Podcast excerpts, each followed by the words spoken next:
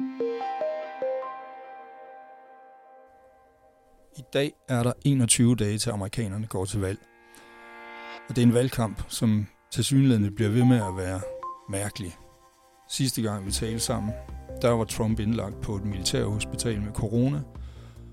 Og i dag er han så rask, mener han selv. Måske mere rask end nogensinde. Øh, og alligevel så er det jo så ikke alle, der mener, at han er blevet helt sig selv. Men Emil, hvordan opfatter amerikanerne egentlig den her øh, historie om Trump og hans corona? Jamen, jeg tror, de opfatter det lidt på samme måde, som vi gør det derhjemme, at hvis man synes, at øh, politik er fedt, hvis det ligner et reality show, så er det her bare gaven, der bliver ved med at give. Altså, øh, der er mange amerikanere, jeg snakker med, der ryster lidt på hovedet af det. Der er mange amerikanere, som simpelthen har svært ved at finde ud af, hvad der er op og ned, hvad de skal tro på. Og det bliver til sidst et spørgsmål, som altid, om politisk identitet. Er du republikaner, så synes du, det er fedt, at Donald Trump han er allerede nu tilbage på kampagnesporet. Er du demokrat, så synes du, det er fuldstændig uforsvarligt. Altså, der er nogen, der mener, at han er blevet decideret underlig af det her, siger mærkelige ting. Jeg, jeg læste der. Det står faktisk i information i dag, at han har sagt, at Kalifornien øh, er nødt til at rationere drikkevand, fordi staten leder millioner af liter vand ud i Stillehavet for at redde en lille bitte fisk, der ikke kan klare sig uden vand. Og klippet ligger jo også på YouTube, så det, det er jo ikke noget, de bare har fundet på. Altså, kan han ikke blive så underlig, så de holder op med at tage ham alvorligt? Jeg har godt registreret det der, men at Trump han siger underlige ting, det er jo altså ikke en nyhed. Det har han gjort i mange år, og det har været et fokuspunkt for de liberale medier, som Donald Trump han vil kalde dem, i hele hans præsidentperiode, at de nogle gange laver de der interview-transkriberinger, hvor man ser alle spørgsmål svar fra ende til anden, og der er jo meget det, han siger, der er noget vrøvl. Så jeg ved ikke, om han er blevet underlig af det her. Jeg tror, at han selv vil sige, at det, det har styrket ham. Det, det gør han jo. Han har fået en erfaring nu, som Joe Biden ikke har. Han har jo nærmest været ude og bebrejde demokraternes præsidentkandidat for, at han ikke har prøvet at have corona, fordi nu har Donald Trump haft det her inde på livet på en helt anden måde, end øh, ret mange andre kan sætte sig ind i. Og som han selv siger, måske, måske er han, øh, måske er han resistent. Måske er han simpelthen øh, ikke i stand til at have corona rigtigt. Jeg er lige nødt til at præsentere den her podcast, Emil, og så snakker vi videre bagefter, fordi du er som lytter havnet i podcasten Ring hjem Emil, hvor journalist Emil Jørgensen ringer hjem fra sin rejse ind i det amerikanske valg. Mit navn er Peter Rasmussen, jeg er chefredaktør på Avisen Danmark. Og i dag skal vi selvfølgelig snakke om Trump, men Emil, vi skal også snakke om den der reportage, du lavede øh, til søndagsavisen, eller søndagsudgaven af Avisen Danmark. Og så skal vi lige snakke om, hvad du skal lave til på næste søndag. Men, men lad os lige gøre Trump færdig. Øh, Trump og hans covid-19-sygdom. Altså, der er jo nogen, der tvivler på, at han overhovedet har været syg, fordi han er blevet så hurtigt rask. Hvad, hvad er meldingerne derfra, hvor du er? Det hører jeg også rigtig mange sige.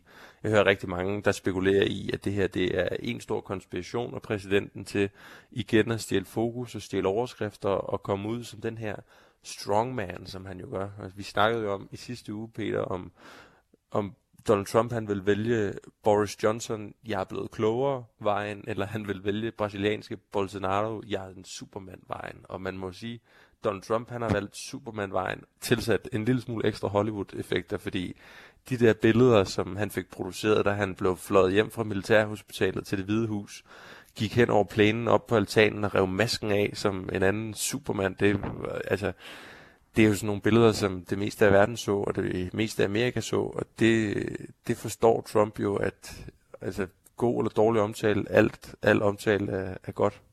Altså samtidig så er der den der historie med, med hans helbredelse er gået igennem noget fantastisk medicin, der åbenbart er lavet i en køkkenvask. Eller i hvert fald er der ikke rigtig nogen, der ved, hvad det er og, og alle de historier der, de er jo så rapplende skøre, at jeg på en eller anden måde er begyndt virkelig at have stor forståelse for, at amerikanerne bare vælger ikke at tro på noget. Altså, det, det, det er jo et demokratisk kæmpestort problem, og for os medier er det jo nærmest, øh, det er jo, det er jo vores grav, der er ved at blive gravet her, men, men når, du, når du får så mange vanvittige altså, historier pumpet ud hver evig eneste dag i sådan en valgkamp her, så kan jeg godt forstå, at der er nogen, der nogle gange bare sådan lidt trækker på skuldrene og siger, jamen, hvad fanden skal vi tro på?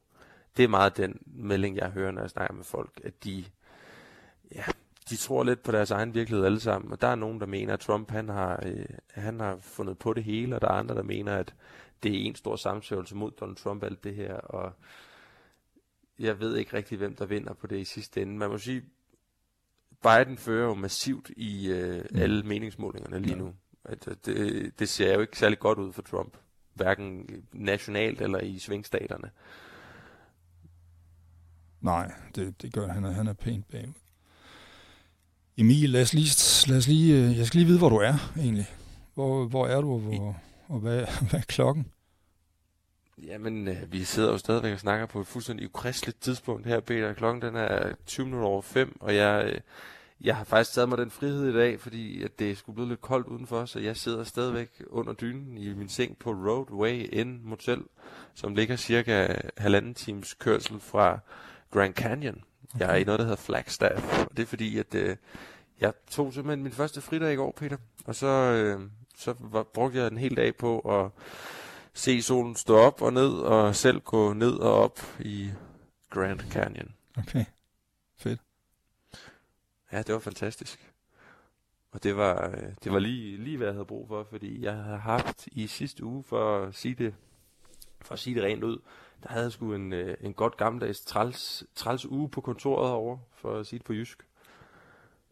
Men hvis, jo, Der var, ja, fortæl. det var, det var som om, øh, det hele startede lidt med, med en skriveblokade i starten af ugen, og jeg ved ikke, om det var affødt af alle de indtryk, jeg fik fra Mr. Foley, grænsemilitsen i det sydlige Arizona, som blev søndagshistorien, men han, om han havde givet mig så mange indtryk, at jeg havde svært ved at formulere det ned, det ved jeg ikke, men hvad der skulle have taget tre dage, eller en dag endte med at tage tre dage, og derfra, der mødte jeg bare muren på så mange andre måder. Jeg har haft nogle motorproblemer. Jeg har øh, skulle finde kilden til den her uges historie, og der har jeg været på jagt efter forstadsfruer i Arizona, og det, øh, det har været, det har været den, den sværeste, den sværeste kildejagt, jeg har haft endnu herovre. Men er, men er du rask, for eksempel? Ja, altså, jeg tror, jeg tror, jeg, har, jeg føler mig lidt, lidt snottet, men øh, jeg, og jeg vil sige, ugen endte heldigvis rigtig godt, fordi jeg endte med at finde de kilder, og øh, det tror jeg, vi skal snakke lidt mere om, men øh, og jeg endte med at opleve Grand Canyon, og, og der kom styr på det hele, men, men du ved, der, det går op og ned i showbiz nogle gange, og øh, det har været, øh, der har været lidt bump på vejen.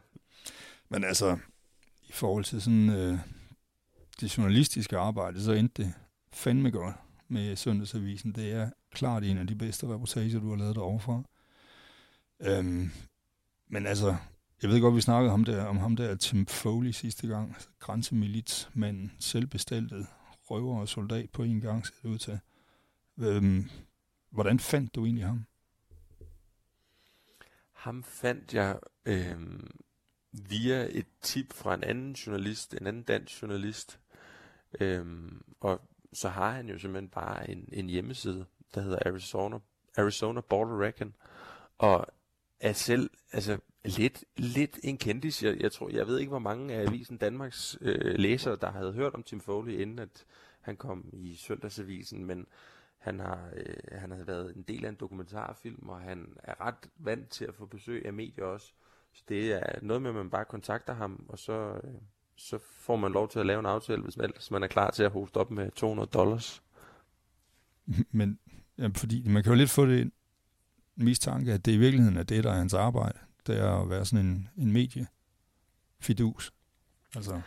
Jeg tror, jeg tror i hvert fald, det er en del af hans, af hans indtægtskilde kommer derfra, mm. men jeg er også ret overbevist om, at det, det er meget af det, der kommer fra donationer. Og jeg vil sige, en ting, jeg fik bekræftet, fordi jeg havde lidt den mistanke også, om at det her bare er en, der spænder guld på, at han skal have de her højere radikale synspunkter, og han i virkeligheden er blevet sådan lidt et tv-stunt. Ja.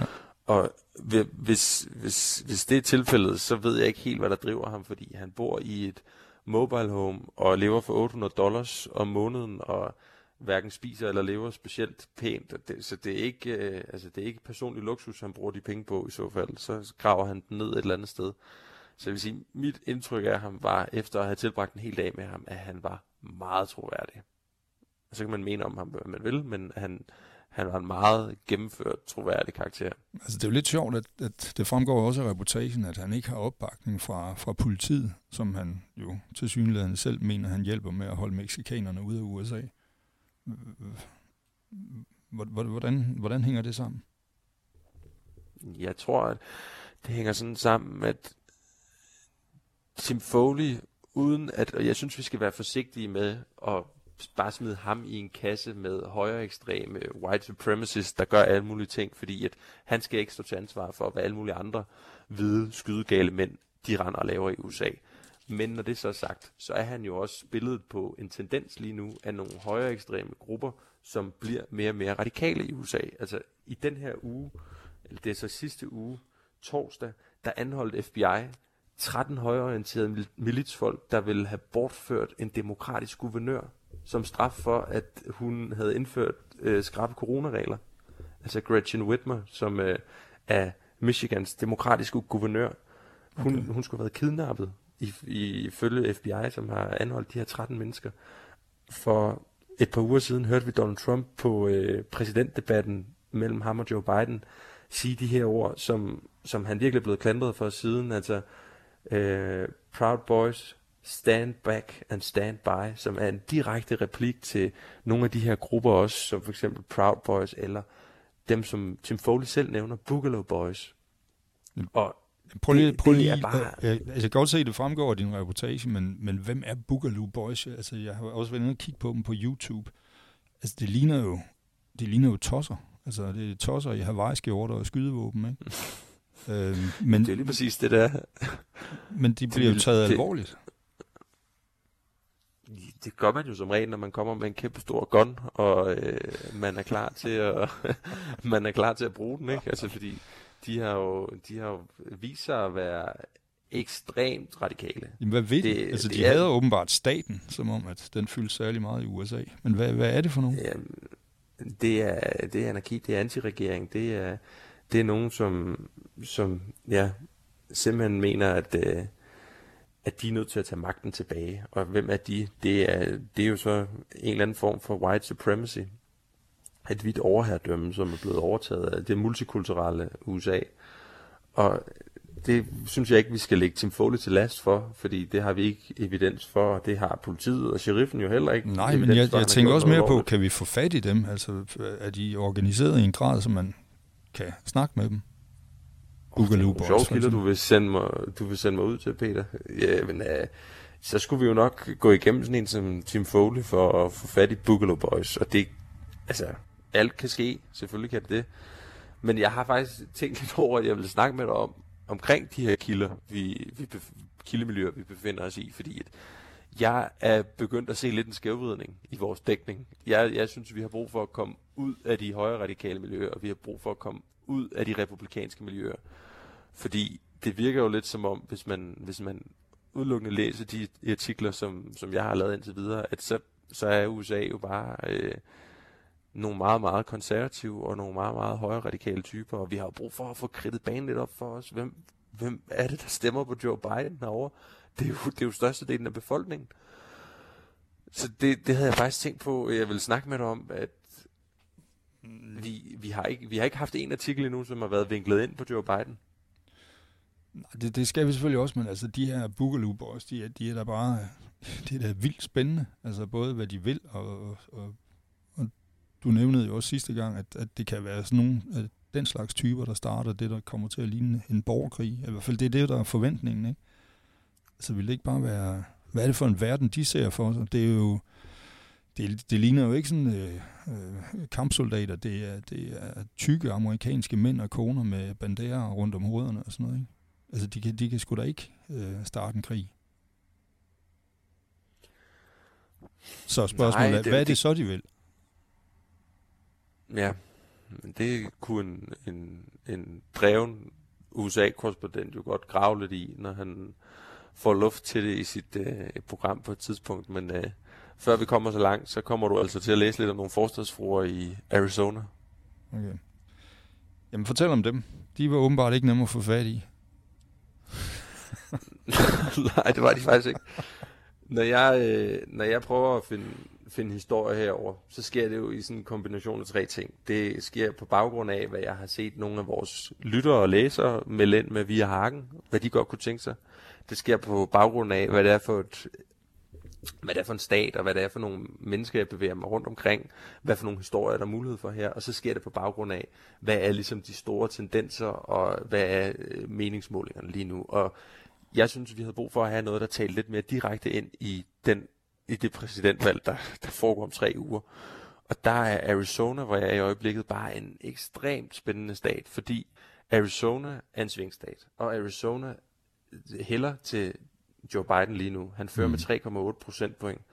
Og det vil altså være anden gang, kun anden gang siden 1952, at en demokratisk præsidentkandidat vil vinde Arizona.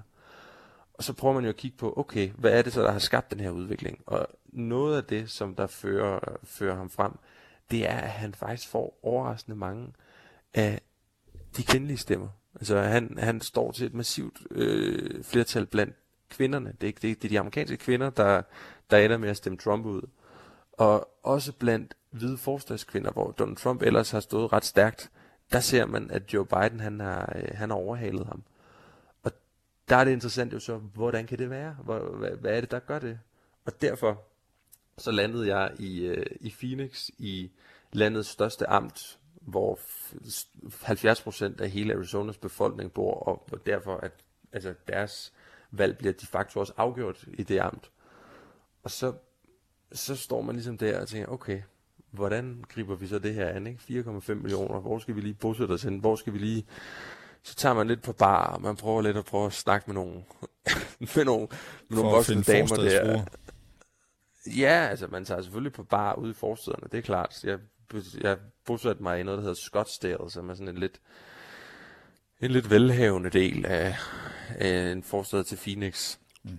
Og jeg, jeg, har været, jeg har været i parker og prøvet at gå og snakke lidt med hundelufter, og jeg, jeg har sgu også været i et stort, fint indkøbscenter i en mall, hvor at jeg endte med at blive smidt ud af security, fordi at de synes simpelthen ikke, det var okay, at jeg gik og antastede alle kvinderne derinde. Så det har været, det har været op ad bakke. Det er umiddelbart et logisk sted at lede efter forstadsfruer, synes jeg. Altså frem for at gå ja. på bar. Men Okay. Det, det synes jeg også, men der er et eller andet med, og det, det handler jo også lidt om held meget af det, ikke? fordi nogle gange så finder man også bare guldkilden øh, første hug, og så møder man amerikanere jo generelt meget, meget glad for at tale, og glad for at fortælle om sig selv.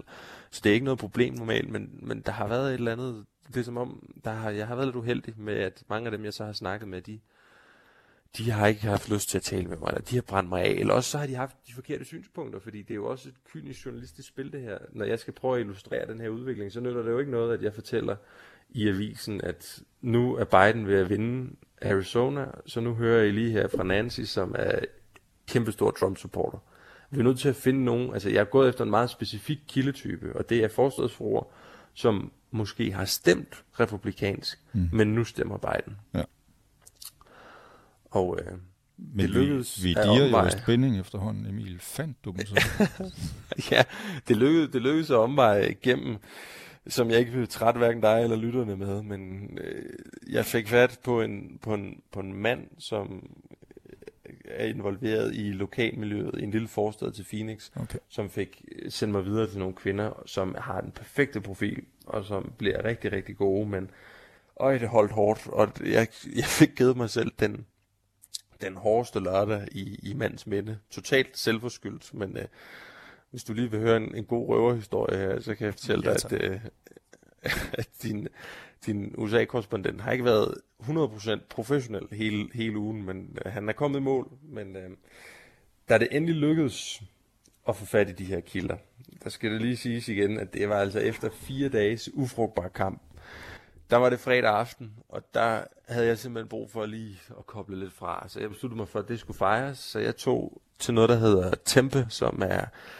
college-delen af Phoenix-forstederne. Det er der, hvor de unge hænger ud.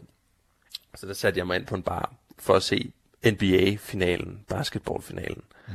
Og øh, jeg falder i snak med en, med, en, med en fyr, en bulgarsk amerikaner, og der sker det, som der nogle gange sker, når man kommer i godt selskab, og det er fredag aften, og jeg ender med at få en meget, meget lang og våd nat sammen med blandt andet ham og nogle af hans andre venner, og får øh, får nogle rigtig gode snakker om amerikansk politik også, og om alt muligt andet ufornuftigt. Og geniet Emil Jørgensen, det er så her, hvor det begynder at glide lidt, gå lidt af sporet. Geniet Emil Jørgensen, han vralter ud fra baren der ved en halv tre trætiden, hvor det hele lukker i, øh, i Arizona. Og så tænker han, ej, ved du hvad, det der bøvl med nu, og skal finde en Uber, og så finde hen til et, for jeg havde ikke booket noget hotel eller motel. Det hele foregår meget on the fly. Ja. Det der, det der, det der ballade der med det, det gider du sgu ikke. I stedet for, så, så tager du en nat i bilen. Så får du også så lidt luft til det der stramme budget, du kører på. Så lægger du dig over i bilen, tryk, kører sædet tilbage, bruger de der, øh, det der mundbind der som natbriller, og så ligger du også over der. Og det synes jeg jo selv var en rigtig smart idé. Indtil der lige var gået sådan cirka 20 minutter, jeg ikke var faldet i søvn endnu, og jeg så kunne høre, at politiet begyndte at rumstere hen ved en anden bil, hvor der var nogle andre, der lå og sov på den der parkeringsplads. Okay. Og, og der fik de så at vide, at det, der kunne politiet altså ikke garantere for deres sikkerhed. Så øh, det endte med, at øh, jeg ved ikke helt, hvad der skete med dem, men jeg ved i hvert fald bare, at det var en samtale, jeg ikke kunne overskue her på det tidspunkt. Så jeg lå og prøvede at lade være med at trække vejret, indtil politiet var gået. Men da de så var væk, så lå jeg både spekuleret over, okay, hvornår kommer politiet igen?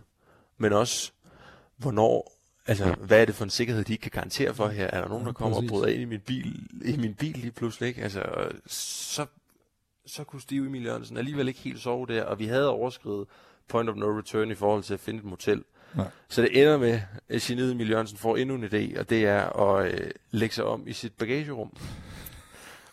For ligesom at lægge lidt skjult der. Og det er godt nok en halvstor bil, jeg har, men jeg er også en mand på en meter 90, så man ligger ikke skide godt derom. Så jeg fik ikke lukket øje. Jeg sov akkurat 0 minutter den nat.